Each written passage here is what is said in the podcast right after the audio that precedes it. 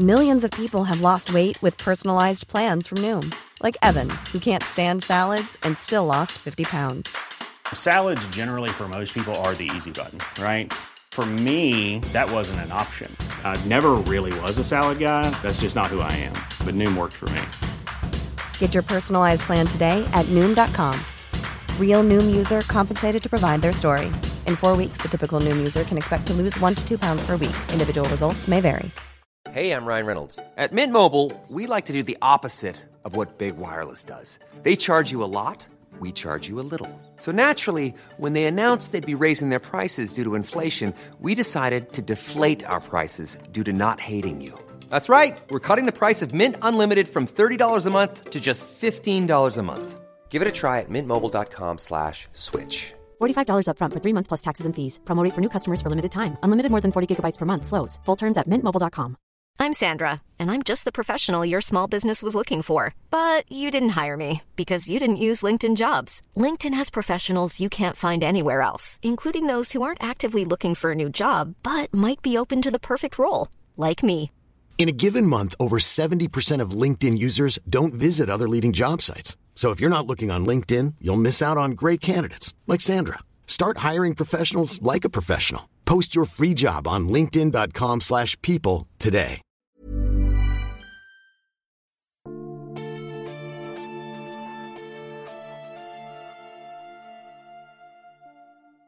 Välkomna till Sagan om Isfolket-podden. Det här är avsnitt 11, Blodshämnd. Jag heter Dan och med mig har jag Anna. Hej Anna! Hej Dan! Hej, och jag har en till person med mig. Hej Kristin! Hej på er! Hej, eller Blodshämnd, vad vill du att jag ska kalla dig? Ja, vi kan ta Kristin kanske. Ja. Ja, Blodis är du ganska känd som Ja, faktiskt. ja, en blodis då, det funkar.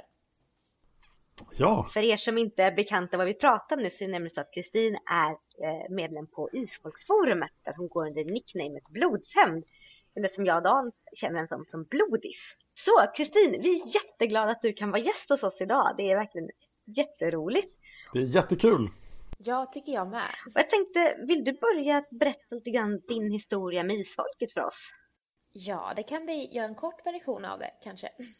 Ja, alltså det här, min mamma tvingade mig att läsa Isfolket när jag var 13 år. Jag totalvägrade ungefär ett års tid innan jag till slut började läsa och sen blev jag frälst. Som tur var. Hur, hur gick diskussionerna där? Det var så här, Kristin, du måste läsa Isfolket. Jag vill inte.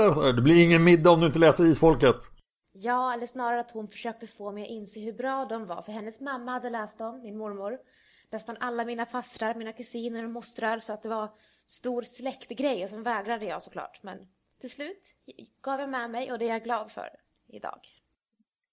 Får jag fråga, var, varför vägrar du? Alltså, jag hatar att läsa böcker. Oj! Det var, hade med det att göra. Och sen mammas böcker. Vilken 13-åring vill läsa mammas böcker? Nej, det är sant. Jag tycker det är alltid så intressant eftersom min mamma var jätteemot att jag skulle läsa Isfolket. Så att det, men jag, jag, håller, jag hade nog också, hade hon sagt du måste läsa Isfolket i världens bästa böcker så hade jag också varit jätteskeptisk för mammas böcker liksom. Ja, Min mamma fick mig att läsa Rädd att flyga när jag var 13. Det, det är en helt annan historia, men det var rätt konstigt när jag tänker på det. Rädd att flyga, vad är det för bok? Det är en eh, så här, extremt alternativ eh, erotisk bok från 70-talet av Erika Jong som är väldigt kontroversiell. Jag, jag tror inte hon tvingade mig att läsa den men den låg framme när vi var på båtsemester så jag bara jag läser den här och hon bara okej. Det var jättekonstigt. lite skillnad då. Tillbaka till dig Kristin. Mamma stod vid bokhyllan och visade upp böckerna och berättade om Tengel och Silje. Så att det, och Sol såklart. Så till slut började jag läsa. Och jag hatade ju första boken i början. Det var ju så tråkigt. Och sen eh, efter första boken så ville inte jag läsa mer. Oj! Jag bara, vad är det här för skit tyckte jag. Så att, eh, ja. Men sen sa hon, nu läser du andra boken. När du har läst den kommer du vara fast. Och jag började läsa andra boken och på typ första kapitlet var jag helt fast och läste klart den på någon timme bara. Så att, eh, Så du fastnade där på sjön när de var ute vid familjeutflykten typ? Ja, där någonstans. Och sen, eh, ja, vi var på semester då och jag hade bara med en bok. Det var hemska två veckor, ska jag säga. Åh. Åh fy! Ja, men sen läste jag hela serien på en månad i princip. Oj! Så det gick Oj. fort som attan. Och, och min mamma hade ju inte alla böcker, hon hade upp till nio. Men min faster hade alla böcker, så hon kom en gång i veckan med en stor kasse böcker. Så det var stort det här och jag fick ringa och tjata på henne. Kom nu faster, jag måste ha fler böcker. Och det var, ja. Oj, på en månad. ja, så det gick ju Herregud. fort. Det enda jag gjorde var att läsa. Så att det var ju... Hela nätterna vet jag. Mm. Du heter ju Blodshämnd på vårt forum. Varför just namnet Blodshämnd? Jag tycker ju om boken väldigt mycket. Det... Och sen är det att jag älskar Villemo, vilket ni inte gör, men jag, jag har ju alltid varit frälst i Villemo. Och då vill jag heta någon namn med henne och Villemo var ju upptaget. Så då blev det Blodshämnd. Ja, sen var ju det där grejen med att du funderade lite på att välja dödssynden. Ja, just det. Ja, för egentligen är Dödssynd är min favoritbok i serien. Jag hade ju en sån förälskelse på Alexander när jag växte upp. Så att, Åh, ja, olyckligt kär. Alexander. Ja. Men dödssynden lät ju så hemskt tyckte jag. Jag är ingen död och jag är ingen synd tänkte jag så. Men en blodig hämnd kan jag vara. Ja, och sen det där med att bli kallad dödis hade inte varit så roligt kanske. Nej, kanske inte. Det... Nej, usch. Nu kommer dödis till festen, det inte så roligt? Ja, blodis är konstigt nog på forumfesten när man Ja, ropar på stan. Blodis! Ja. Ja, för er lyssnare som inte är bekanta med forumet så använder vi inte våra vanliga namn där, utan vi använder bara forumnicken. Och forumet har ju hållit igång ett rätt långt tag för vi, vi känner ju varandra som bara forumnick. ja så är det ju. Vänta, det händer något konstigt här. Jag... Det kommer in en varelse i mitt rum. Vadå? Det är en, en stor svart skepnad. Han, Nej, jag det här är ser dåligt. igenom honom. Han har någonting att säga här. Ah, Men tjena, det är jag som är vandraren. Det är vandraren i mörkret. oj, nu Men går vi väldigt Du, långt fram. du får inte vara med nu. Vi håller på i avsnitt 11. Du är ju en spoiler. Men vad då? Du måste vandra iväg och komma tillbaka senare. Okej. Men jag tar... Ja. Jag lämnar pizza här. Han hade med sig en bit pizza till mig konstigt nog. Vi kan ju tyvärr inte berätta vem vandraren i mörkret är, men han kommer komma tillbaka senare i våran podcast. Det vi kan däremot säga är att vandraren i, pit... Van... vandraren i mörkret inte delar ut pizza i böckerna. Men här verkar han ju rätt snäll. Det finns ganska mycket tid i böckerna som vi inte vet vad vandraren i mörkret gjorde. Och han var duktig på att vandra. Så att han kanske jobbade extra som pizzabud. Varför inte? De får uppenbarligen rätt bra med pengar. Jag får be om ursäkt för den störningen. Tillbaka till handlingen. Jo, eh, Blodis, du är ju rätt framträdande och engagerad på forumet. Vill du berätta lite om vad du gör där? Vad jag gör på forumet? Ja. Jag pladdrar väldigt mycket. är väl den som kanske pratar mest där inne. Idag skulle jag tro. Du har väl mest inlägg tror jag va? Eller? Ja, jag ligger högst på topp där. Med runt Ja, 20 ligger man i lä med mina 10 000 eller vad jag Ja, har? jag har runt 20 000, typ 22. oj, oj, oj. Och då är det ändå du som har grundat forumet Dan. Ja det stämmer. Jag, jag ligger väl inte ens trea nu. Nej. Jo, Nej. jag tror nästan det. Haha! Det är Nathaniel som ligger före mig. Ja, som jag ville slå henne. Eh, Du har även jobbat väldigt mycket med eh, Facebookgruppen. Ja, precis. Den skapade jag ju när forumet låg nere ett tag. Det var ju Just något det. år sedan, det krånglade jättemycket. Och jag ville desperat ha kontakt med alla igen.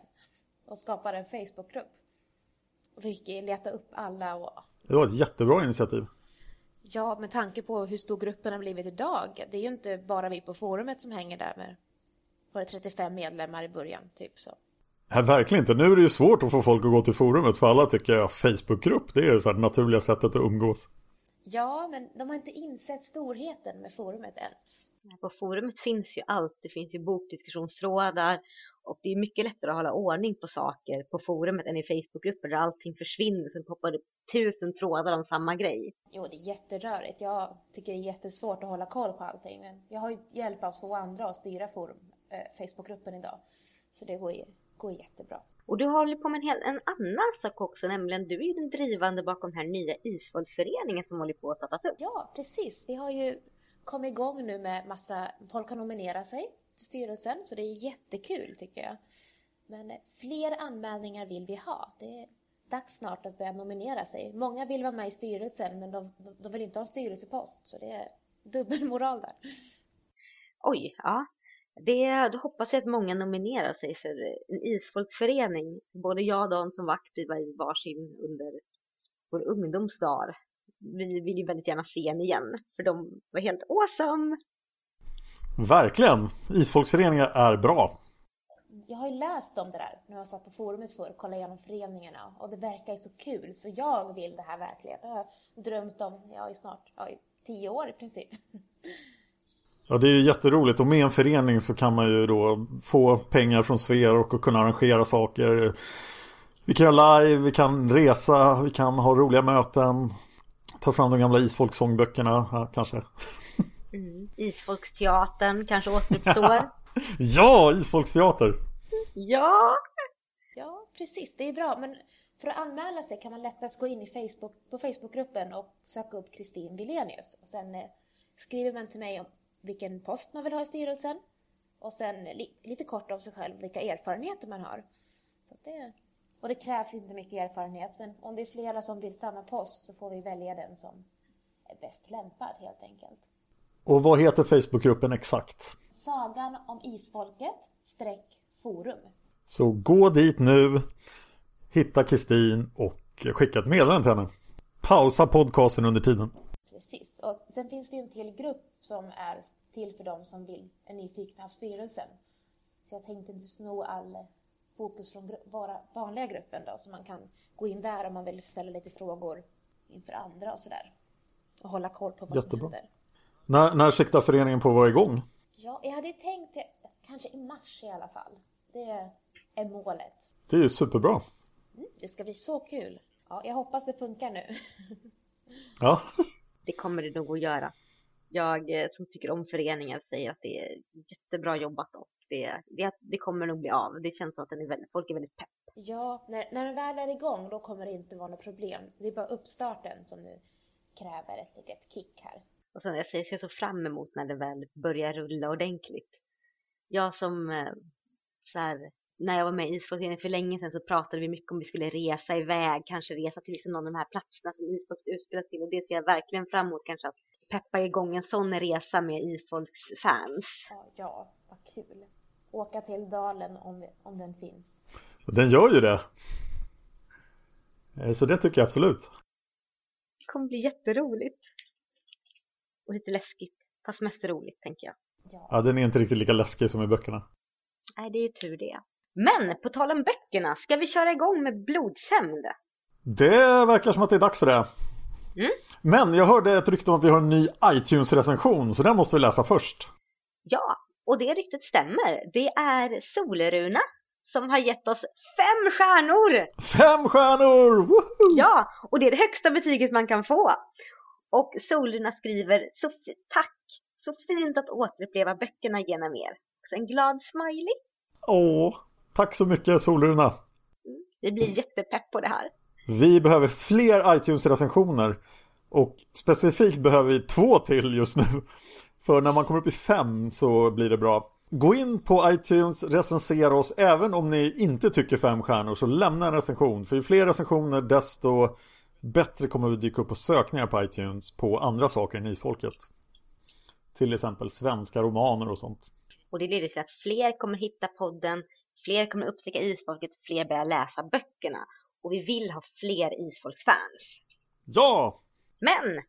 Över då till bok nummer 11 i den långa sagan. Ja. Blodshämnd. 1674 tror jag. Det gör vi nog kanske. Vi har eh, stackars... Ja, nu Kristin ska vi prata Villemo. Ja, Villemo. Vad tycker du om karaktären Villemo? Alltså, hon är ju... Hon är speciell. Hon är väldigt dryg på många sätt, tycker jag. Men jag kan ju, jag kan ju bara älska henne. Det går ju inte att göra något annat. Hon är väldigt dryg och väldigt egocentrisk, visserligen. Men hon är så, alltså jag känner så igen mig i henne. Jag är ju typ som Villemo. I alla fall när jag är kär och... Ja, i alla fall när jag var ung var jag absolut som henne. Så hon är ju väldigt... Ja, hon är bara Villemo. Det är det som vi har pratat om innan, att jag tror att många kan relatera sig i just Villemo. Men jag måste fråga lite grann, nu har du ju läst om böckerna igen. Och var det, an, var det någonting som du kände var annorlunda med just Villemo när du läste om dem nu? Någonting som du så här upptäckte eller var det samma som innan? Alltså, hon är ju mer dryg, ska jag säga. Det är det jag tycker. Eh, och hade jag läst böckerna nu för första gången, då hade jag inte tyckt om henne lika mycket som jag gjorde när jag var yngre. Men som ni nämnde i förra podden så var hon väldigt barnslig i sätt att vara. Att hon kanske var som en 14-åring. Och jag var ju 13 år när jag läste böckerna så jag var väl på Lillemos nivå. Så det kan ju handla om att det var det som fick mig att fastna. För hon var på samma nivå som mig och jag tänkte lika som henne. Så jag tror det kan vara där det kommer ifrån. Och det kanske är storheten i författandet här. Att det här är en, en verklig krok som biter folk fast i Isfolket. Att här är en karaktär som... För att de flesta som läser Isfolket, alltså någon övervägande del av publiken är nog relativt unga tonårstjejer. Och här finns den här karaktären som man väldigt lätt kan identifiera sig med. För alla har vi ju varit förälskade en första gång. Ja, och alla har betett sig så här. Ja, det har man ju gjort. Och alla har haft den här första hjärtesorgen. Och det är där vi hittar Villemo nu i den allra första hjärtesorgen som nog är värre för henne än någon annan. Oh, oj, oj vad hon sörjer stackars Eldar. Eller ja, stackars och stackars. Vi vet att Eldar inte är någonting att ha och hon börjar gradvis komma på det. Men det tar lite, det tar ett tag. Ja, det gör det absolut. Jag var ju väldigt glad när hon äntligen kom på det. Att Eldar inte var så bra. För där fick vi också, det var ju där vid eh, Marta-fallet. Men eh, jag tror att vi går händelserna lite i förväg om vi går fram dit. Ja, inte så långt i förväg. Det hände ju jättemycket innan dess. Ja, det händer ju ganska mycket innan dess ja. Det gör det ju faktiskt. Förlåt, vi backar bandet. Ja, Kristin får välja var vi ska börja någonstans. Okej, var ska vi börja? Niklas och Irmelin kanske? Där, ja det är till början av boken ja. Ja, vi har den här kärlekshistorien som eh, händer i bakgrunden. Ja, och den får ju alldeles för lite fokus. Ja, verkligen. Det känns som, okej, okay, det fanns två personer som inte var tillsammans med någon i rätt ålder. Så att de blev kära i varandra. Men de är ju för nära släkt. Ja, Niklas och Irmelin är på tok för nära släkt. Och vi har ju sett innan att det går så dåligt när isfolkssläktingar gifter sig med varandra. Vi minns alla Kolgrim, det gick ju inte bra. Och här reagerar jag direkt på det de säger i slutet av boken att eh, men det kommer ju en drabbad ändå i varje generation. Så det spelar ingen roll att de är släkt med varandra. Nej, det är sant. Men jag tror väl att de tänker att det, kan ju komma... Um, om man tänker nivån på drabbade så har vi ju nivå sol som är hårt drabbad men välskap, vilket inte tar livet av morden vid födseln. Och sen har vi värsta nivån som är Kolgrim. Och Kolgrim. Ja. Man kanske tänker att ju närmare besläktade de är, desto mer ökar chansen för en hårt drabbad. Och det har de ju faktiskt bevis på, för Kolgrim har ju faktiskt fötts. Just det, och de var ett led, de var sysslingar med varandra medan ja. Niklas och Irmelin är bryllingar. Vilket också Villemo och Dominique är. Men om vi går tillbaka där, Tengel till exempel. Hans mamma och pappa var ju inte släkt alls. Och han var ju väldigt hårt drabbad. Det är sant.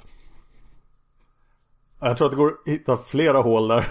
Det känns som de är lite, lite överförsiktiga och jag förstår ju dem men som du säger Kristin så det, fin, liksom, det kommer komma en drabbad oavsett. Frågan är bara när. Men däremot tycker jag den här historien med Niklas och Irmelin kommer lite från ingenstans. Vi hade inte fått någon förvarning alls om det här tyckte jag. Nej, och det kanske beror på att Niklas är ett par helande händer och Irmelin inte har någon karaktär överhuvudtaget. Ja, kanske. Och sen att vi har följt Villemo i hennes värld och hennes värld har ju varit ja, hemskt på grund av hennes hjärtesorg. Ja, det här är mycket ur Villemos perspektiv. Mycket mer än böckerna har varit tidigare, eh, förutom Vinterstorm då. Ur en persons perspektiv. Och jag noterade speciellt att vi faktiskt går in när hon är så sjuk på slutet. Då är det ju boken skriven i jag-form. Och det har ju aldrig hänt förut. Då är det ju verkligen hopp och hej. Men jag tänkte på just det här med att Niklas Irmelin är så mycket i skymundan. För om jag drar en annan parallell till, spö, till eh, Bödens dotter. Eller Merraflorens dotter som vi numera har döpt om den till. Merrafloren.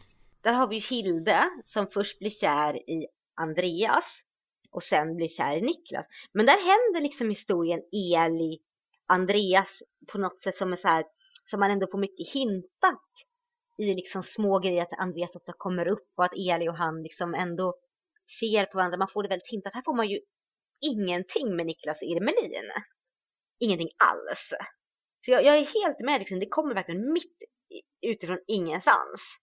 Hade inte Irmelin, hade Irmelin och Niklas varit, hade någon av dem inte varit av isfolket så hade jag, så hade jag varit bara så här, det här är en världens dåligaste uppbyggda kärlekshistoria. Jag hade gillat om de hade pratat med varandra först. Ja, lite grann.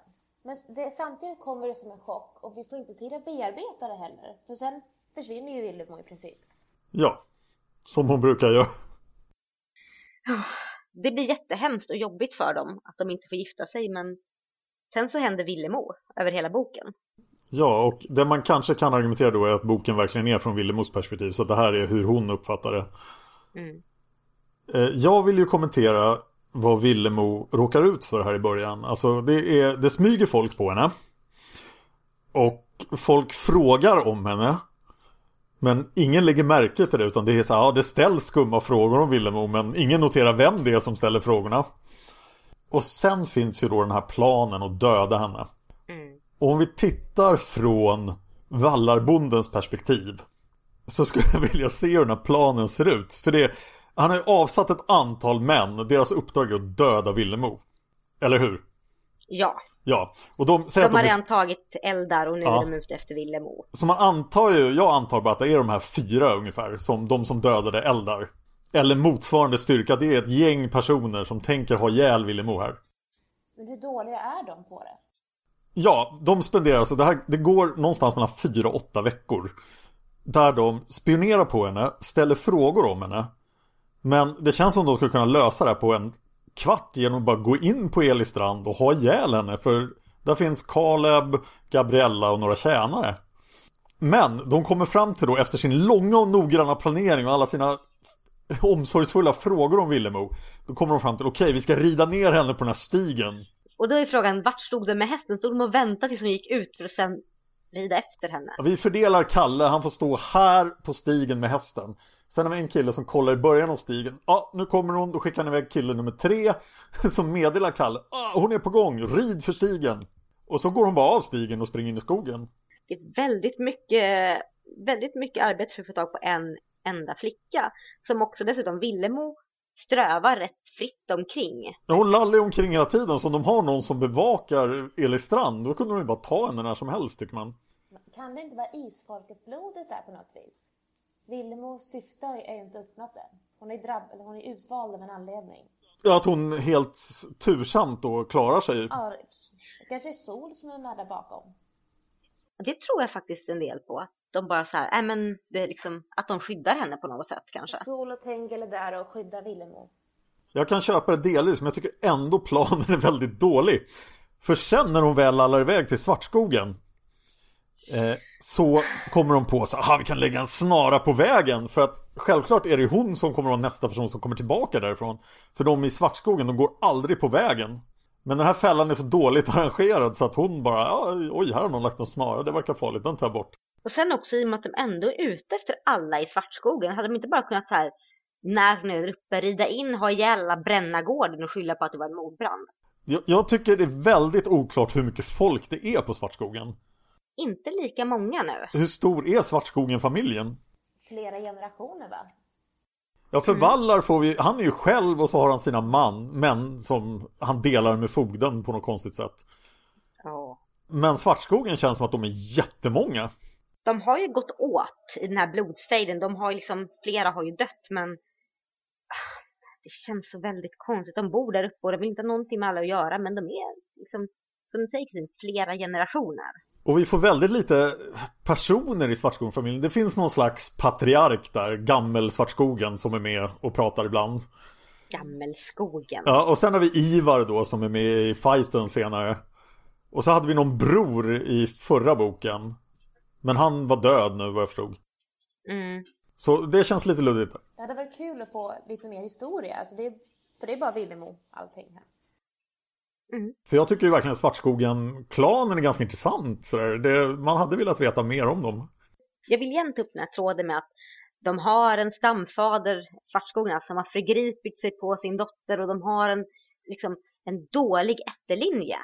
Som hade varit jätteintressant, som det känns som att det är planterat där för att vi ska få veta mer. Men sen så bara, i den här boken blir det ingenting med det. Nej, det känns som att hon tappade tråden där. De byggde upp det så bra där och sen försvann det bara. Ja men precis. Ja, och deras motsättningar med isfolket, de känns ju väldigt luddiga. Det är så här, "Nej, ni är för snälla, så här, vi tycker inte om er. Eh, Särskilt när de börjar liksom stryka åt rejält. Att de inte då bara så här, ja men hallå, det är faktiskt någon som försöker ha ihjäl oss. Kan ni hjälpa till här? Ja, vi har blivit mördade i 50 år men vi vill inte klaga. Nej. Men sen tar ju mordplanen lite fart faktiskt när de knuffar ut henne i Martahålet där. Åh. Det är väl det enda, enda bra mordförsöket. Ja, det var väl väldigt smart tycker jag. Ja, och där blir boken riktigt spännande faktiskt. Det är väldigt spännande. Vi får ett bra mordförsök. Villemo som får självinsikt på ett sätt som bara ett, en, ett fall utanför en klippa kan göra. Och en jättebra insikt i att Eldar var faktiskt ingen bra snubbe. Nej, slänga ner folk i hål verkar elakt. Ja, det är inte så bra. Jag tyckte också att det var väldigt fint med Martas föräldrar och att de gick dit för att lägga blommor och att de räddar henne. Och, så, ja, det, det var en riktig höjdpunkt. Det är fint på något sätt. Som att de fick rädda någon annan istället för sin dotter ändå. Ja, men precis. Och då är det dags att börja skriva brev till Dominik. Eh, Kristin, hur skulle du säga, N- när, när förstår Villemo, eller när börjar Villemo känna någonting för Dominik? Det hände väl redan i förra boken? Ja, det tror jag hände redan i förra boken. Hon börjar få upp en bild av honom. Men det är väl nu när hon börjar skriva till honom, när det verkligen kommer. Eller efter hans svar i alla fall. Ja, Det är där, efter hans svar. Då kommer det. Men Dominik har varit eh, team Villemo hela tiden. Ja, det har vi fått hintar om ju. I Vinterstorm var det hintar hela tiden. Och här i Blodshem kommer det mer och mer. Men han säger det inte rakt ut. Så det är spännande. Jag gillar deras brevväxling på ett sätt för då får vi lite mer eh, substans på deras historia. Det är ofta riktigt bra isfolk att folk skriver brev till varandra faktiskt. Och jag tror Margit gillar den berättartekniken. Ja, men det funkar ju väldigt bra för här får vi en bild i- av Dom, och Villemo. Det är inte som Niklas och Jermelin från ingenstans var de kära. Här får vi se hur det växer fram lite grann. Ja, hade vi inte kunnat få läsa Niklas och Irmelins brev också? Det hade varit roligt. För de skrev ju brev till varandra. Gjorde de? Ja, de sa ju, när Villemo ber om att få skriva brev till Dominik på slutet Så säger Caleb att eh, ja, Niklas och Irmelin skriver brev till varandra hela tiden när hon är i Danmark Ja, just det. Så då måste ni också få göra det Och visst var det nu att vid det här stadiet i sagan hade Margit fått information om hade kunnat skriva hur många böcker som helst. Jag tror det Så att Niklas Irmelins historia i brevform hade jag gett rätt mycket för att få läsa. Det hade ju funnits tid för det, tycker jag. Korta ner lite av tiden i ladan, kanske. Så det är en uppmaning till fanfiction Skriv Isfolket 11,5 Niklas och Irmelins brevväxling Ja! Föreningens nya uppdrag. Ja, Och i och med att Irmelin är i, Irmelin är i Danmark, eller hur? ja, Då får vi med Cecile och Jessica och Tankred. ja! Ja, Och Örjan Stege eh, ja, precis han ja. Den skånska hjälten Och Gabriella kom ju med också. Hon var, var ju där borta. Ja, Så Ja, mm. Det är jättekul. bara skriva Skicka in det till oss kom igen nu. Men jag tycker vi missar någonting när vi, innan vi hoppar till Ma- Martahålet. När Willem och Evelin är på vinden. Ja just det! Det får vi På vinden, ja, den här vinden som ingen någonsin är på tydligen Fast nu var det någon som hade ställt upp julsaker där Men här för att här har vi en riktigt, riktigt bra plantering. Om Svartskogen-planteringen bara eh, crashed and burned så är vinden en av de bästa planteringarna i hela sagan. Det är den, kom ihåg Gråstensholms vind Gå upp på vinden, eller gå inte upp på vinden. Gå- gå upp Någonting är fel på vinden.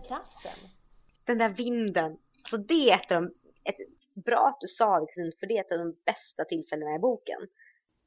Ja, ni brukar vara så duktiga på att nämna vinden i alla andra böcker. Så. Ja, ja, vinden får vi inte glömma Vi är fans av vinden Det är någon annan som gillar vinden där också Ja, någon är rädd för vinden här kanske.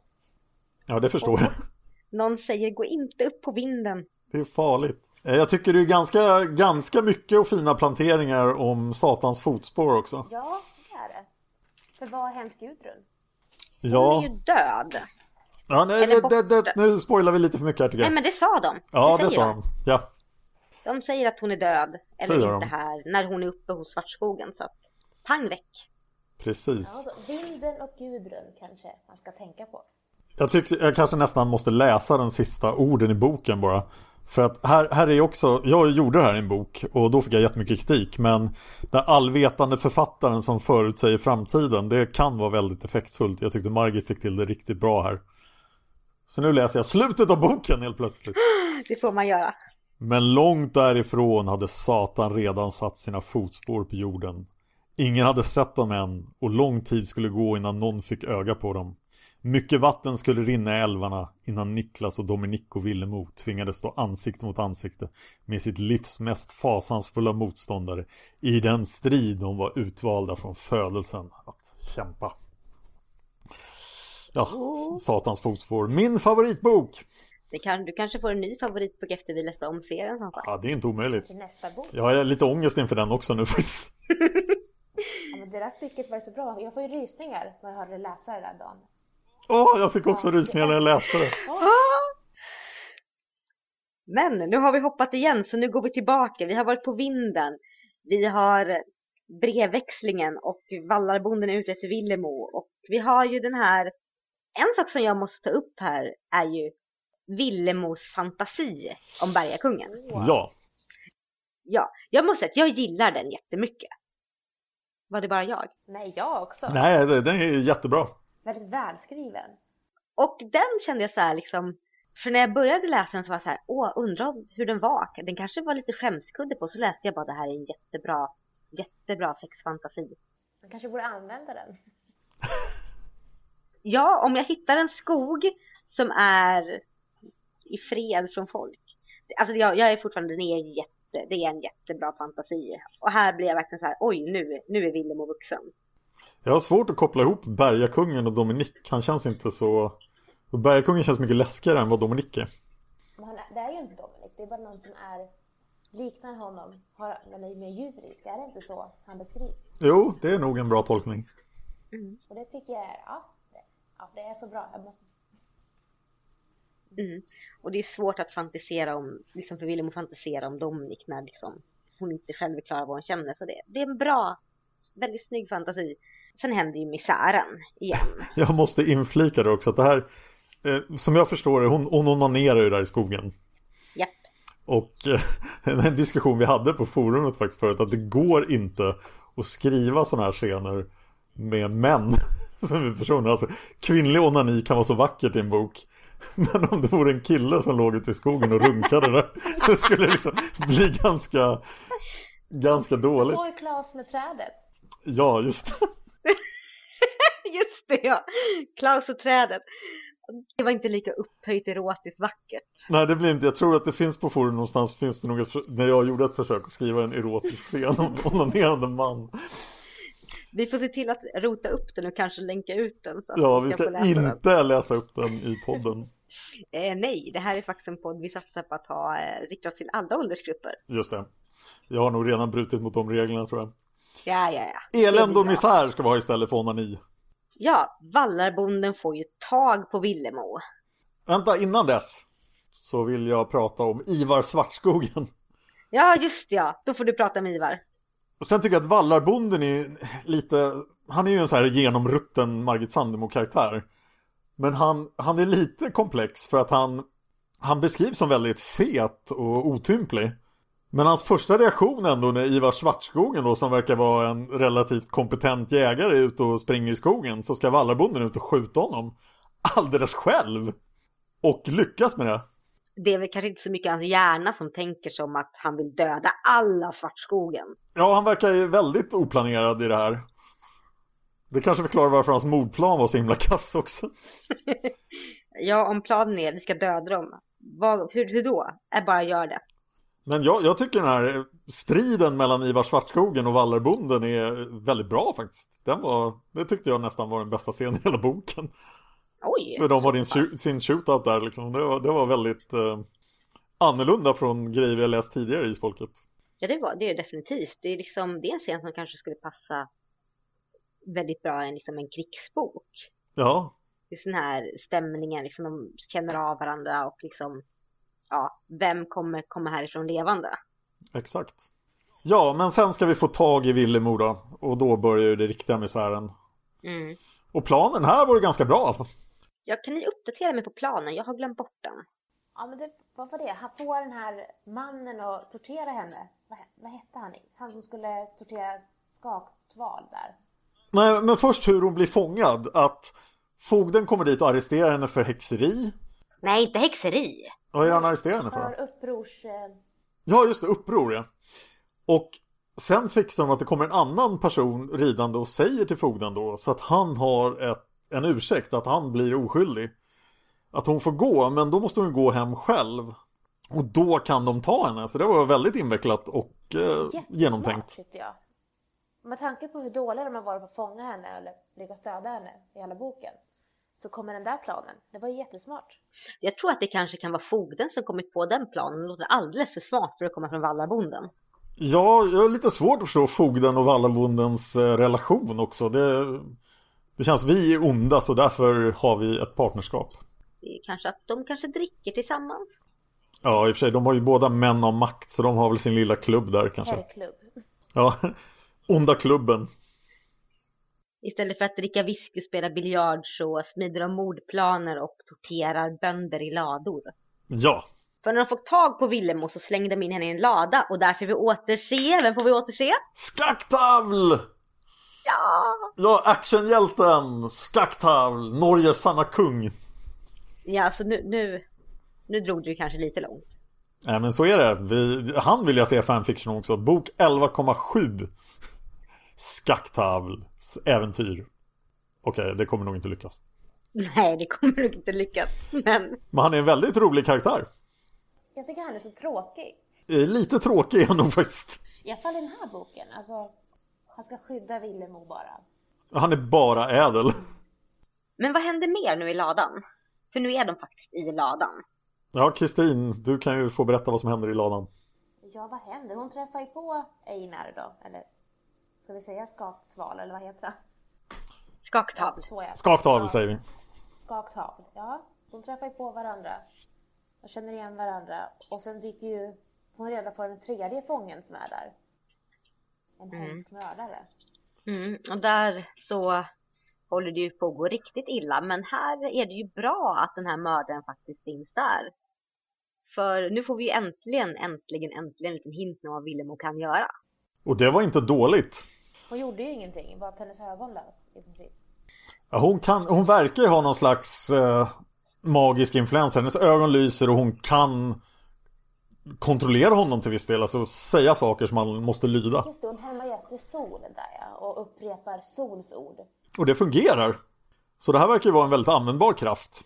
Och jag tror att den är så överraskande för att den kommer från just Villemo som inte har gett intryck av att vara en så auktoritär person och plötsligt är hon jätteauktoritär och hej och hå. Den scenen tycker jag är fräck. Jättebra. Så ut med mördaren och så tror de att eh, Skaktavel ska bli kär i henne men han är ju så ädel så att han vill ju bara ta hand om henne. De har sin tid i ladan där. Och sen så kommer ju Dominic in i bilden. Ja. Här har jag synpunkter igen. Ja, börja med dem. För när Dominik ska rida ut och han säger ja, ge mig tre dagar ska jag lösa det här. Och så säger Brand, tror jag det är. Eh, nej, men det finns krypskyttar överallt. Och då berättar Dominik att han har spindelkänsla. Spindelkänsla. Ja, han kan känna liksom onda intentioner så att ingen kan krypskytta honom för att eh, det kommer han att upptäcka. Men hade inte den förmågan försvunnit? Ja, jag, jag tycker Dominiks förmåga är väldigt varierande baserat på vad historien kräver. Mm. Kristin, vad tycker du? Ja, jag vet faktiskt inte. För sen han blir ju tillfångatagen på vallar ändå. Hur lyckades han bli fångatagen om han nu kunde känna på sig de här onda tankarna? Så jag vet inte, det känns lite... Ja, jag vet inte. Som, han kanske ljög för Brand. Han ville ju ut och hitta sin kärlek. Det skulle faktiskt eh, förklara det. Det här med vita lögner där man bara så här, äh, kommer ni komma på mig så, vad ska ni göra liksom? Det här måste ju fungera jättebra isfolket. Du kan ju säga vad som helst om du är en av de här tre gulögda. Så här, nej men eh, det, jag kan inte äta det där för att eh, det påverkar min magi. Ja, jag tror att du drar det lite långt där. Jag, jag måste men... ligga och sova till eh, lunch för att annars blir min mag- magi sämre. Det kan funka. Men han blir ju tillfångatagen och det blir ju jättedålig stämning. Han knallar ju rakt in bara, nu ska vi förhandla. Bara, Nej det ska vi inte. Du ska vara i ladan. Jag är svensk kurir, vad ska ni göra? Eh, vi hatar svenskar. Och ingen vet att han är där. Det är en jättedum plan. Ja, det är så dum plan. Och varför tog han inte med Niklas? Ja men precis! Ja, det gjorde han ju förra gången i förra boken. Och då gick det jättebra. Men Niklas var, gick runt och gjorde en villemo verkar det som. Och sen, Men Niklas är ju arg. jag får, inte, jag får inte min flicka så nu tänker jag gå och gräma mig. Ja men ändå. Ja, Dominik tycker han ska rida ut själv är ju kanske det mest korkade som har hänt sedan... Sen att Villemo föll för Eldar kanske. Ja, precis! För hade Dominik tagit med sig en eller två, i alla fall sagt vad han var på väg, så hade tiden i ladan blivit kortare. Men nu får vi istället Skakktavl åker ut och Dominik åker in och upp på en vägg. Ja, och stackars Skaktal kastar sig ut för stupet där. Det är rätt modigt av honom faktiskt. Väldigt modigt och väldigt... Eh, ja, men det, det, var, det var bra tycker jag. Det leder till bra saker och det var trovärdigt ändå för han visste ju att han skulle dö. Och sen är vi fast i ladan. Dominik och Villemo är i ladan. Go! Men det där, har- där har vi Villemos bästa, när hon, försöker, när hon vill få dem att skära ner Dominik från väggen. Det är där hennes kraft träder fram igen. Ja just det ja. Det gör den verkligen. Ännu starkare. Och det är där hon härmar Sol och använder hennes ord som hon använder för att rädda Meta. Så det är också lite kul tycker jag, att hon återupprepar historien. Har Sol redan haft sina repliker här eller kommer de lite senare? kommer senare. Ja. Så det måste ju vara någonting hon har hört från uppväxten när de berättar om hur Sol räddade Meta. Så det är jättekul tycker jag. Det är jättefint. Men jag tycker att de kanske kunde gjort lite mer. Alltså om Villemo hade varit mer bekant med sina egna krafter så hade hon ju kunnat lösa allting här. Ja, kunna ta sig in på andra sidan så rent magiskt. Ja, släpp ut oss. Skär ner honom, släpp ut oss, lås in er själva. Ja, Tack. Jag förstår inte riktigt. Jag tänker skylla det här helt på de som står bakom Villemos förmåga. Hey, I'm Ryan Reynolds. At Mint Mobile, we like to do the opposite of what Big Wireless does. They charge you a lot, we charge you a little. So naturally, when they announced they'd be raising their prices due to inflation, we decided to deflate our prices due to not hating you. That's right. We're cutting the price of Mint Unlimited from $30 a month to just $15 a month. Give it a try at mintmobile.com slash switch. $45 upfront for three months plus taxes and fees. Promo for new customers for limited time. Unlimited more than 40 gigabytes per month. Slows. Full terms at mintmobile.com. I'm Sandra, and I'm just the professional your small business was looking for. But you didn't hire me because you didn't use LinkedIn jobs. LinkedIn has professionals you can't find anywhere else, including those who aren't actively looking for a new job but might be open to the perfect role, like me. In a given month, over 70% of LinkedIn users don't visit other leading job sites. So if you're not looking on LinkedIn, you'll miss out on great candidates like Sandra. Start hiring professionals like a professional. Post your free job on linkedin.com/people slash people today. Millions of people have lost weight with personalized plans from Noom, like Evan, who can't stand salads and still lost 50 pounds. Salads, generally, for most people, are the easy button, right? For me, that wasn't an option. I never really was a salad guy. That's just not who I am. But Noom worked for me. Get your personalized plan today at Noom.com. Real Noom user compensated to provide their story. In four weeks, the typical Noom user can expect to lose one to two pounds per week. Individual results may vary. Varför det är så viktigt att Villemo inte får ha koll på sina förmågor. För det gör, leder ju bara till massa... Varför skulle inte hon fått reda på det från första början som Dominik och Niklas? Det kanske kommer en förklaring senare. Ja, men jag vill reda på det nu. jag med. vi får vänta. Som sagt, då hade de varit ute ur ladan nu. Men det gör ju Villemo till den intressantaste av de tre ändå för att hon Man vet inte vad hon kan göra. Hur mycket sol är hon? Ja, och det är därför hon har fått fyra böcker kanske. Så kan det vara. Det är ett litet mysterium. Och här har vi då massor av eh, närhet till hennes älskade men ändå skilda åt av den här väggen. Och här tar ju deras historia riktigt fart. För här så blir det ju... Det som vi anade i breven är ju nu liksom utslaget så att säga. Jag älskar ju allt det där. Det är det som är det bästa på hela boken. Mm. Ja, men jag tycker det är jättefint att de faktiskt... Jag, jag får erkänna, jag har, nu har jag, inför den här podden nu har jag läst boken två gånger. Och första gången jag läste den så tyckte jag att, fast det är lite orealistiskt att de hittar varandra så snabbt. Men andra gången så var jag helt så här, men det här är helt logiskt. Och det är ju väldigt speciella omständigheter så att de snabbar ju upp processen. Ja, de blir illa tvungna. De kanske dör. De är bara tvungna att kasta sig ut i det och det är ju underbart. Det är väldigt romantiskt. Jätteromantiskt när... Ja, det är jättevackert. Jag har ingenting mer att säga om det. Det är fantastiskt fint. Nu kommer jag på en till grej att klaga på. Nu låter jag väldigt negativ men jag vill föra till protokollet att jag tycker väsentligt mycket bättre om den här boken än om Vinterstorm. Jag tycker att det här var en mer spännande historia och ja, det finns många delar av den här boken som är riktigt bra. Mm. Men helt plötsligt så kommer jag tycker Villemos språkbruk är lite otydligt, lite varierande. Hon, hon är en adelsdam ibland och ibland pratar hon vanligt. Och, men här i två sidor så blir hon, så kanaliserar hon Margit och är plötsligt en 60-årig författare som vill uttrycka sina åsikter om kristendomen. Så vi får den här föreläsningen som kommer att komma tillbaka ganska många gånger i sagan. Åh, gud ja. Om hur dumt det är med kristendom. Ja, den, den föll inte riktigt väl eftersom Villemosa utmålas som en rätt. Och hon är rätt barnslig och så kommer den här utläggningen. Det funkar inte. Och det har väl gått ett år sedan förra boken. Högst. Eller kanske samma år till och med. Jag tror det är samma år. Vad kan hon ha lärt sig om kristendomen sedan dess? Hon går ju inte i kyrkan eller ingenting. Nej, och här känner hon både kättare och hedningar, säger hon. Och, Det gör hon ju inte. och uttrycker att deras så här, godhet finns i alla fall. Och, det- det är alldeles för... Det är en jättekonstig situation att prata om där överhuvudtaget. Hon ligger där och är sjuk och eländig. Och, och åsikterna är konstiga. Det hon säger är, liksom, passar inte in på henne överhuvudtaget. Ja men det känns som att nu är det Margit som skriver igen. Och då blir det igen den här känslan av att skriva en på näsan som inte riktigt funkar. Och det här kanske är det allra tydligaste fallet hittills.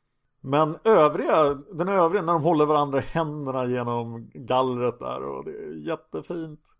För det känns ju som det är jättekört.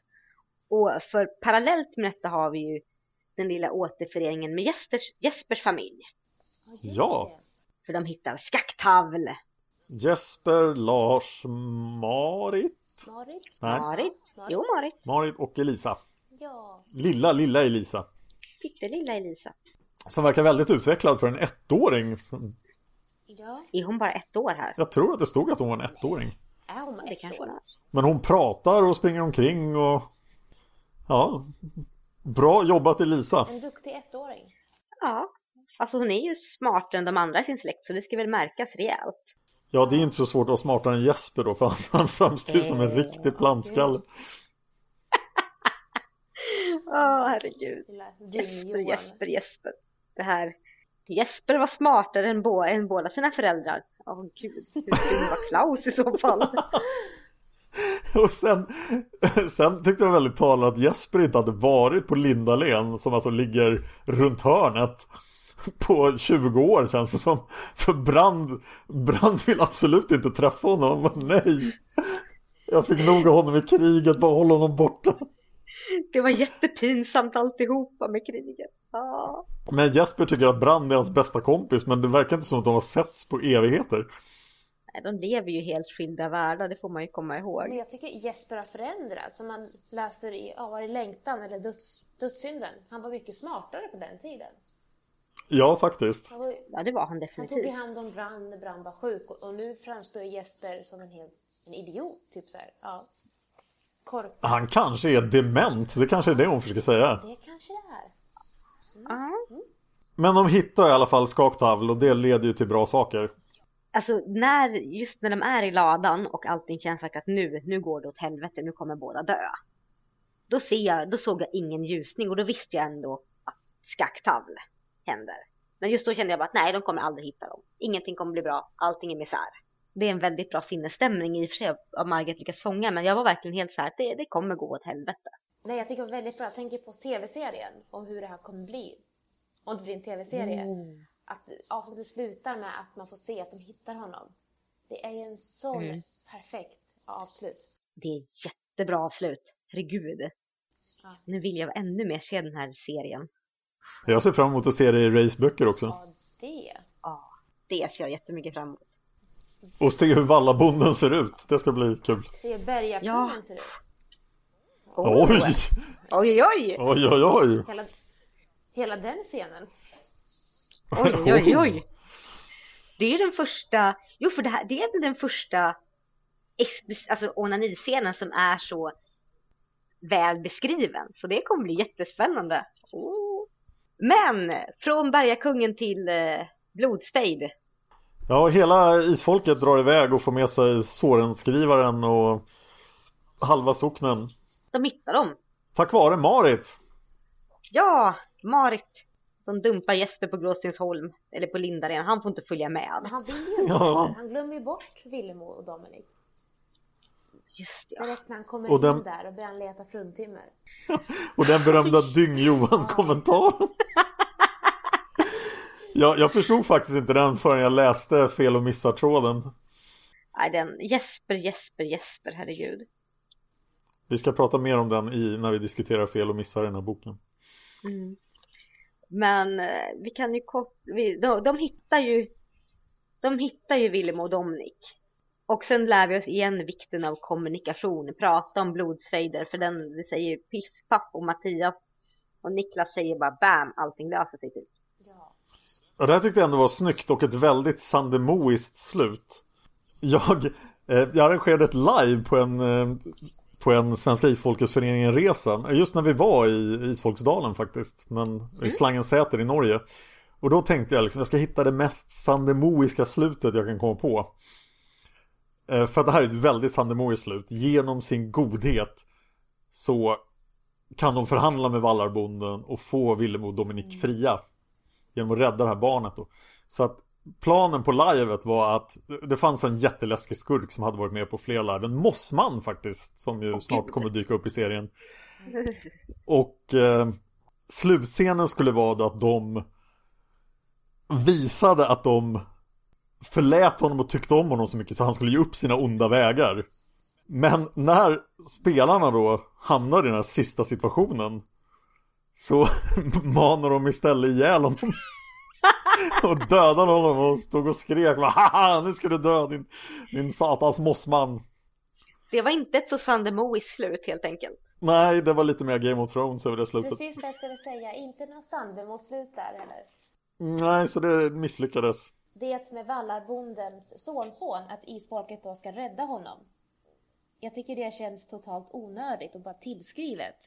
Men eh, blodsfejden har ju löst sig där. Och den har ju verkligen inte löst sig för Vallabonden för han kommer ju hamna i fängelse och dö. Ja. Ja, men det är hans problem Så att han borde inte ha släppt iväg dem. Men eh, inte ens han kan stå oberörd av deras godhet. Precis, det är ändå hans barnbarn det gäller Och sen tycker man att det ska vara ett bra happy slut här Ja. Eller? Ja, det blir det verkligen inte. Svartskogen, folket hamnar i fängelset och Vallarbonden hamnar i fängelset. Och Villemo är dödssjuk. Och ligger alltså sjuk i flera månader. Jag får aldrig riktigt en uppfattning om hur lång tid det är men Ja, julen hinner passera och de är långt inne på nästa år. Så jag säger sex månader. ja, det är nog rätt nära Tre till sex månader ändrar jag mig till. Jag tänker det är väl tre, fyra månader skulle jag tro. Om jag kollar. För De har, jul är passerat och de är långt inne på nästa år. Ja. Så att, ja. Och så har vi det här konstiga jag-perspektivet helt plötsligt. Men det ger ju en känsla av eh, lidande verkligen. Och att lång tid går och allting är konstigt. ja. Och sen vaknar hon till slut. Ja, och Dominic och hon ska få sitt äldst, de, de ska kanske gifta sig tycker de, men nej tycker ingen annan. Nej, tycker alla. Ni får inte gifta er, det är jättefarligt. Ni får bli brevvänner istället. Och jag sa ju att Winterson var en sån här bok som inte tillförde så mycket till plotten. Blodshämnd kanske inte gör det så mycket till huvudplotten, men det märks ju verkligen hur jävla jobbig den här förbannelsen som vilar över isfolket är. Hur mycket den faktiskt påverkar på deras liv, även när de inte har en drabbad i släkten som löper amok, så är det en reell sak som de aldrig kommer ifrån. Ja, och därför måste vi prata mer om Sol. För Sol har ju spökat sen hon dog. Och här är hon ju, det är ju lite oklart om Villemo drömmer eller inte. Men här har ju Sol faktiska repliker. Och sen kommer de här visionerna, så här får ju faktiskt, här är huvudplotten. Här får vi visioner av det här folket som får sin by utrotad och vandrar över tundran och har det riktigt jobbigt. Och till slut kommer de till Norge. Det är, en, det är väldigt, eh, väldigt bra ögonblick i, i historien. Fantastiskt bra. Jag hade helt glömt att det var med i den här boken. Ja, det hade jag nog gjort. Det avslöjar ju nästan hela historien. På något vis. Hela isfolket. Ja, här är första gången den sibiriska kopplingen. Ja, och den planteras ju väldigt bra inför kommande saga. Väldigt bra. Mm. Så att, eh, ja. Och Sol som är, eh, som inte kan hålla sig död. Nej, det kan hon verkligen inte. Mm. Så ja, tänkte bara vi ska ta lite grann kort och avrunda nu, liksom genomgången boken med vad ni tyckte. Kristin, du kan börja. Ska jag börja? Ja, jag- jag tyckte ju om Blodshämnd. Det är mycket bättre än vad jag kommer ihåg den som. Den har ett mycket mer större djup än vad jag förut tyckte den hade. Är ju. Men samtidigt är den lite löjlig tycker jag också på sina håll och kanter. Något särskilt du tänker på? Ja, men jag tycker lite så här, alla trackar ner på Villemo och Eldar. Det, jag tycker det är så himla nedsättande åt henne hela tiden. För att hon var ju kär och det respekteras ju inte riktigt. Så jag tycker det är ganska barnsligt av alla att bara ja, tracka ner som att det inte är på riktigt och oj, han är så elak, oj, han är så hemsk. Istället för att faktiskt låta henne sörja och förstå att hon älskar honom och nu är han död. Så det är lite så här, ja, nej. Ja, det borde ju ändå vara det viktiga när man är, speciellt när man är av isfolket och är så himla snäll och förstående. Ja, och här har de ingen förståelse alls, för Eldar var ju ond. Och jag skulle säga, jag håller ju med. Eldar var ju inte ond. Eldar var mycket komp- Eldar kanske inte var den bästa människan i världen, men han var ju inte, han var ju inte fogdeond. Nej, det var han ju inte. Men enligt isfolket var han ju det. Ja, det är svårt. Ibland, alltså, det har ibland känts som att de pendlar väldigt mycket. Lite grann som Mattias grej i förra boken när inte bli kär i någon från, eh, från gårdarna. Det vore ju hemskt. Man bara, vad hände här? Ja, han som är kär i Hilde. Precis. Ja, det är skönt att Mattias var tillbaka i sin vanliga personlighet i den här boken. Det hade varit jättejobbigt ifall han var personlighetskluven här. Jag tycker överlag att eh, övriga isfolket får lite mer utrymme här än vad de fick i Vinterstorm. Och att de är mer lika sig själva.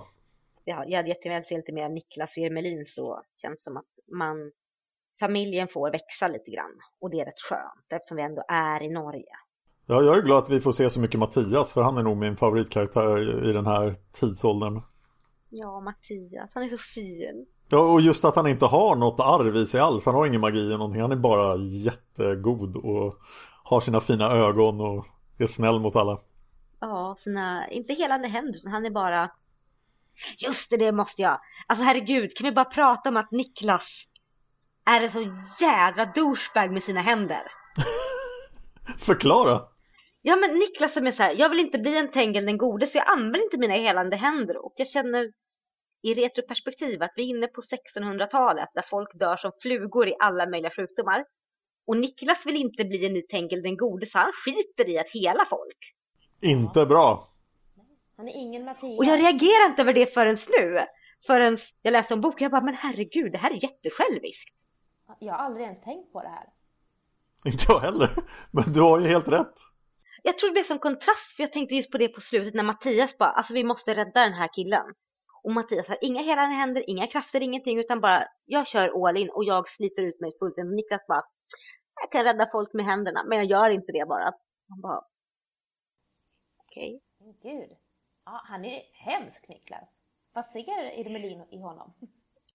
Vi vet inte. Vi, vi måste läsa Isfolket 11.5 så vi får reda på det här.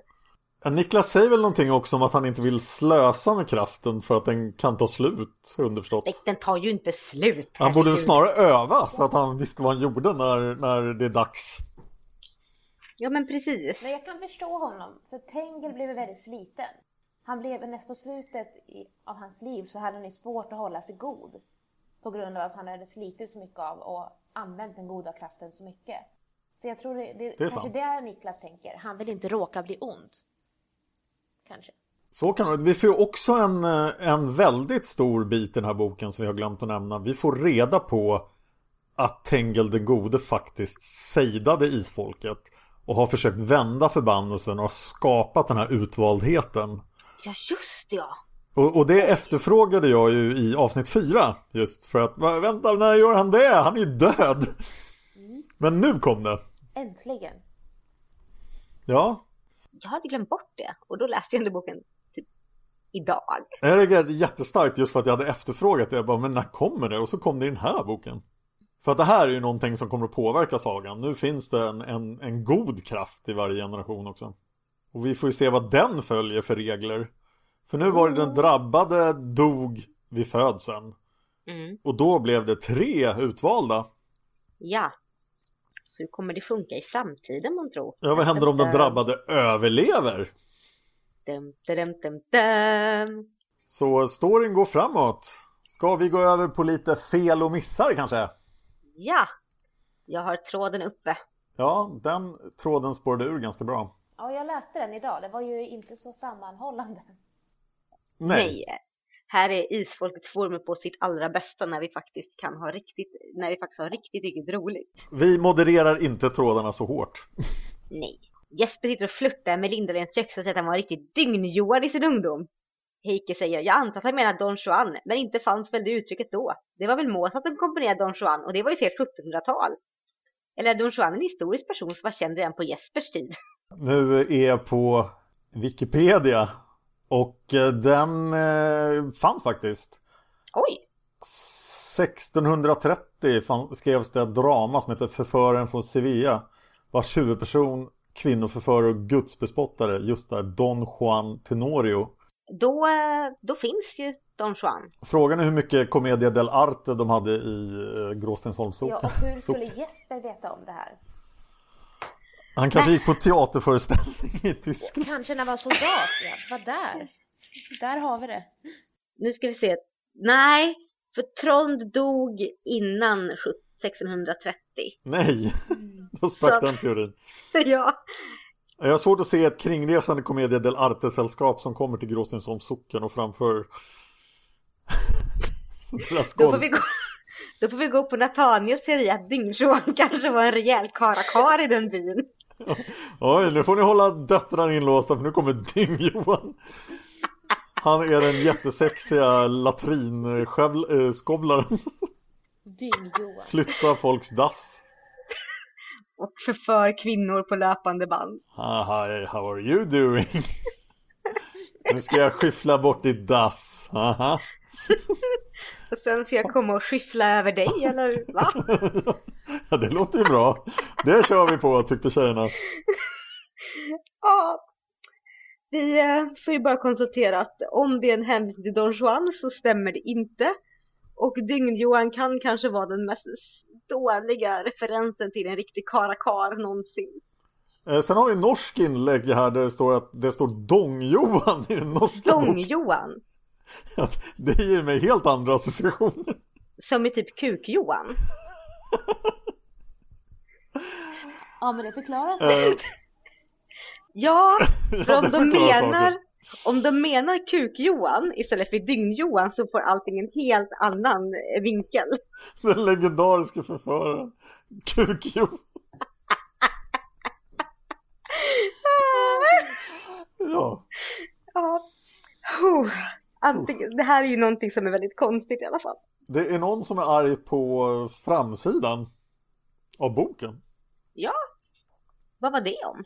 Ja, jag tycker väl att det var Dominik och Villemo på framsidan. Lite äldre än vad de är i boken. Men det, vi har ju en brinnande lada i bakgrunden. Vi har ett fall på baksidan av boken. Jag tycker boksidan ser rätt bra ut. Fast ändå på framsidan, står Villemo och Dominic någonsin sådär nära varandra i den här boken? Nej, det är sant. Nej, det gör de ju faktiskt inte. I så fall skulle Villemos hår vara avklippt och... Ja. Ja, okej, den är fel helt enkelt. Ja, det är sant. Men, alltså Dominic ser ut att vara typ 40. Ja, han ser jättegammal ut. Och lite så här, jag vet inte, på min bok är han lite grå i ansiktet, han ser lite död ja, ut. min med. Han ser ut som i True Blood, vad heter han? Bill i True Blood. Där har Ja, där. precis! Ja, det gör han faktiskt. Så Villemo och, och gud, Dominic är en vampyr. Ja, men det ser vi på hans ögon. Mhm. Dum, dum, dum. Eh, sen kommer det en massa saker om Gudrun Svartskogen som vi tyvärr inte kan prata om för det relaterar till en senare bok.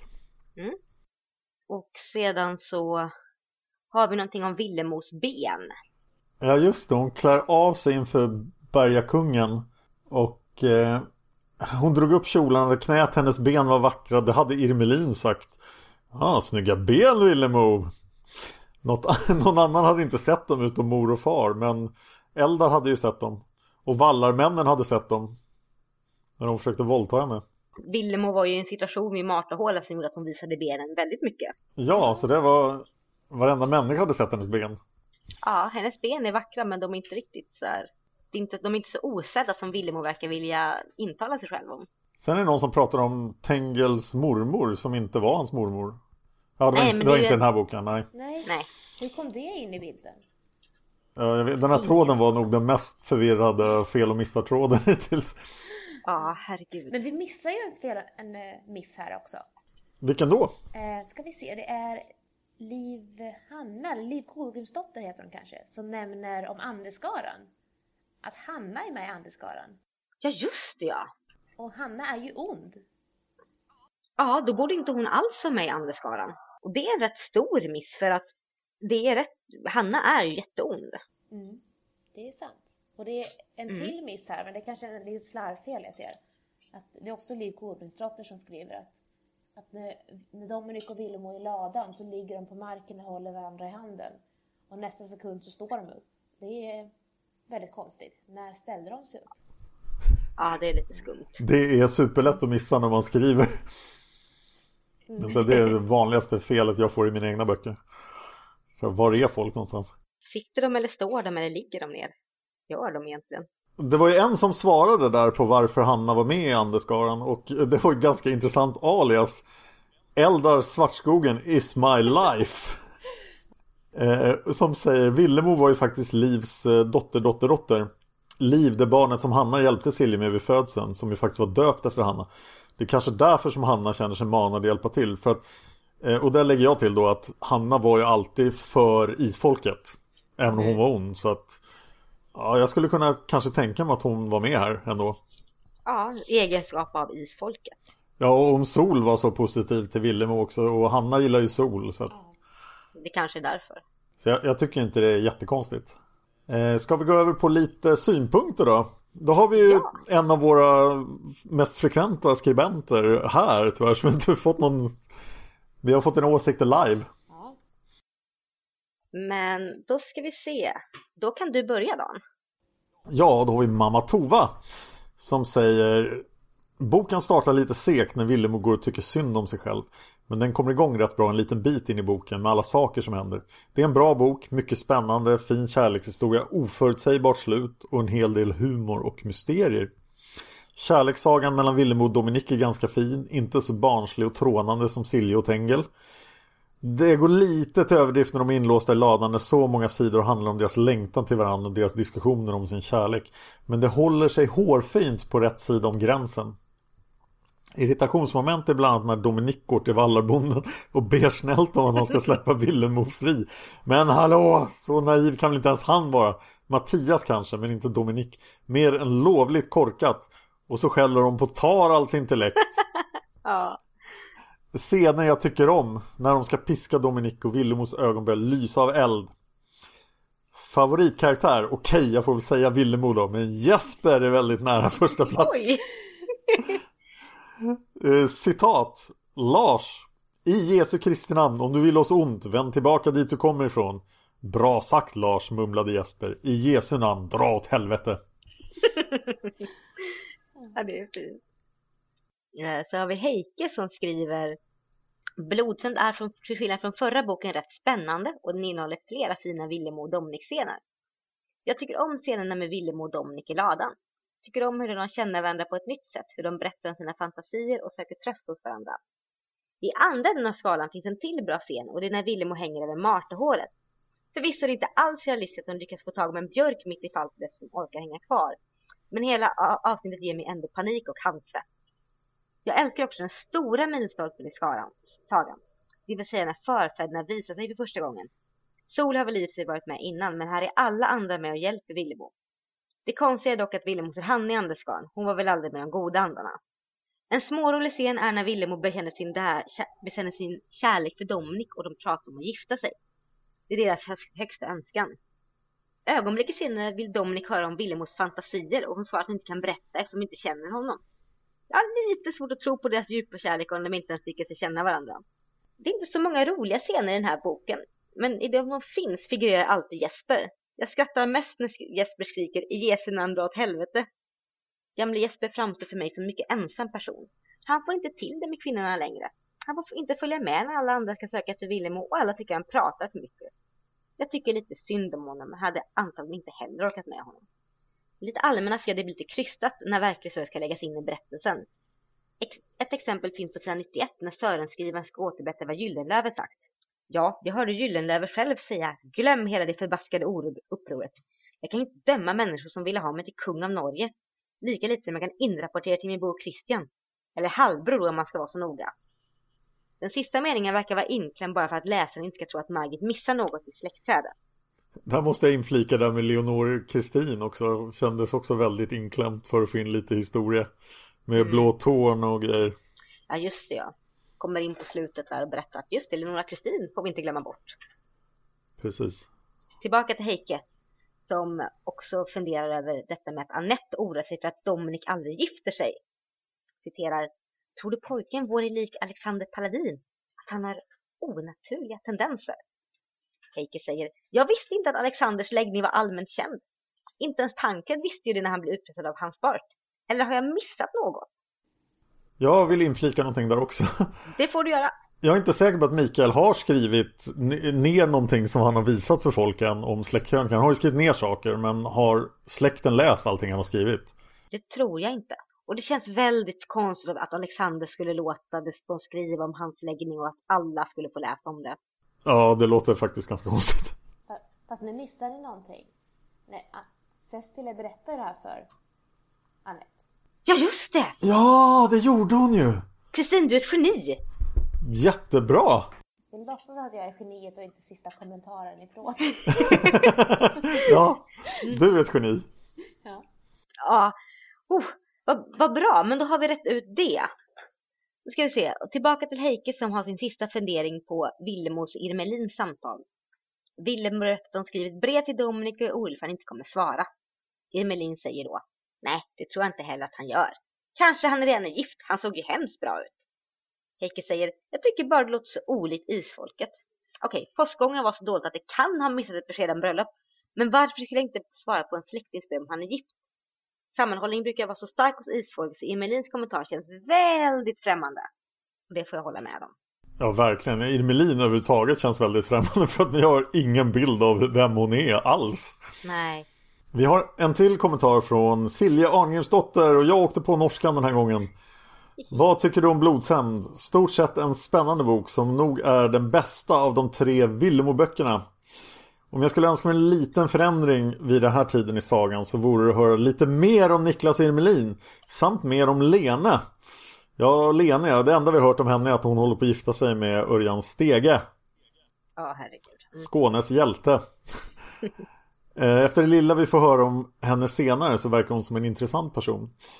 Vilken är bokens bästa ögonblick? Det allra bästa ögonblicket är när Brand visar, ja just det, det pratar vi inte om. Visar Willem och Niklas eh, målningen av Tengel. Och hur de reagerar då på Tengels speciella utstrålning. Och Brand omtalar sin farfar som den finaste mannen han har känt. Ja det var jättefint, alltså det är alltid roligt när de går tillbaka till Tengel och Silje och det här tyckte jag var väldigt, för de har ju inte sett någon drabbad. Nej just det. Och det här var nog väldigt uppvaknande för dem. Att det är så en drabbad ser ut. Jag fortsätter med Siljes kommentar. Jag blir väldigt glad var gång någon av dem som från länge, eh, som är borta sedan länge blir nämnd. Ja, alltså precis det jag sa alldeles nyss. som Tengel Sol, Tarjei, Silje, Liv eller Are. Jag gillar också när Villemo eh, förnimmer Sols närvarande. Och när hennes ögon tänds. Och när hon själv tar sina krafter i bruk och ögonen, ja där tändes ögonen. Vilken är din favoritkaraktär och varför? Jag tror favoriten måste vara Villemo.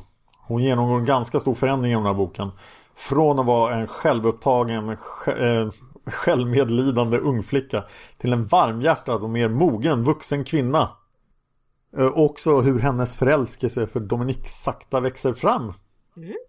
Det var våra kommentarer den här gången. Kristin, har du något mer du vill tillägga om blodshämnd? Ja, kan inte jag få nämna mitt favoritögonblick för hela boken? Absolut. Jo, gör det. Det har jag inte gjort. Det är det här när Dominic rider för att hämta Willemo hem till Sverige. Han sitter där på hästen och kan Willemos brev utan till. Jag tycker det är så himla fint. Jag blir nästan lite kär i honom. Just läser det, ja. Ja, han, är, han är väldigt... eh, han vet vad han vill. Ja, gud. Alltså om jag hade varit Villemo då hade jag gift mig med han i smyg. Ja. Mm. Ja, och det finns ju tid kvar att göra det i kommande böcker. Ja. Det är som att hon hade en feber i blodet. Oh. Ja, om ni gillar, gillar oss då så ska ni gå till isfolket.se och klicka på forum och hänga med oss på forumet. Om ni tycker att forum är omoderna så kan ni hänga med oss i Sagan om Isfolket forum på Facebook. Ja, säger jag. Ja, jag vill också att ni ger betyg på Blodshämnd på forumet. Så där betyg 1-10 på varje bok och när vi är klara med det här, vi har gjort 47 avsnitt, då ska vi gå igenom i vilken ordning böckerna kommer och se vilka som är de bästa böckerna och då kanske då till och med de sämsta böckerna i Isfolket. Eh, Det var nog allt för idag. Var kan folk hitta mer av dig Kristin? Ja, framförallt på forumet såklart. Där hittar ni mig som Blodshämnd. Ni kan hitta mig på isfolket.se där jag ibland skriver inlägg också. Och, och självklart på Facebookgruppen, där hittar ni mig alltid. Och i den blivande Isfolksföreningen då i framtiden så kommer du att figurera. Ja, förhoppningsvis kommer jag finnas där. Ja, det ska bli så roligt! Ja, hör av er till mig nu. Ja, hör av er till Kristin. Heja, heja. Eh, vad kan lyssnarna hitta mer av dig Anna? Ja, man kan hitta mer av mig på min blogg setsunaseras.blogspot.se och på min Facebook-sida Setsunaseras. Jag hänger även på Twitter en del och där heter jag Anna Seras. Och ni är jättevälkomna att lägga till mig på Twitter och följa mig på Facebook. Dan, vad hittar man mer av dig så här? Jag finns ju på Facebook som Dan Hörning. Jag är den enda människa som heter så. Jag finns i omnämnda Facebookgrupp. Jag finns på forumet. Jag finns på Twitter som Dan Horning. Och jag gör tre andra podcasts. Fan of History är den största där jag pratar antik historia. Eh, sen gör jag en om Game of Thrones. Ligger nere just nu då, eftersom det är off-season. Men vi har gjort några avsnitt. och vi kommer göra några till med lite konspirationsteorier och sånt. Och eh, sen gör jag då en massa saker som har med Magic att göra. Däribland en podcast som heter Magic Gatherings tror jag att alla de här podcasterna finns på iTunes. Och det var allt från oss idag. Ja, då får ni ha det så jättebra tills nästa gång. Och tack så jättemycket Kristin för att du var med. Och, tack för att jag fick vara med. Det här var jättekul. Så annorlunda att vara med än att lyssna. Ja, får se vad du tycker sen när du lyssnar. Ja, det. Jättetack för att du vill vara med och tack för allt arbete du har gjort. Med Ja. forumet och med Facebookgruppen och så. Det har varit fantastiskt. Ja, ja, jag har velat det själv så. Ännu bättre. Så att jag slapp tvinga dig. Eh, Du kan faktiskt också lyssna på mig och Kristin som har gjort ett, eh, en, ett avsnitt om isfolket på, som finns på Youtube-kanalen ju, som- där vi lägger upp podden. Margit Sandemo SE Youtube-kanalen. Just det, jag hade glömt bort det där faktiskt. Ja, nej men det tycker jag vi gjorde bra. Vi hade ju inte riktigt Annas kapacitet att producera ljud så att ljudet på den är nog inte lika bra som på den här podcasten. Det är fortfarande väldigt trevlig lyssning. Ja, så lyssna på den. Nu ska vi försöka sluta prata. Ja, ha det bra allihopa. Hej då! Hej då! Hej!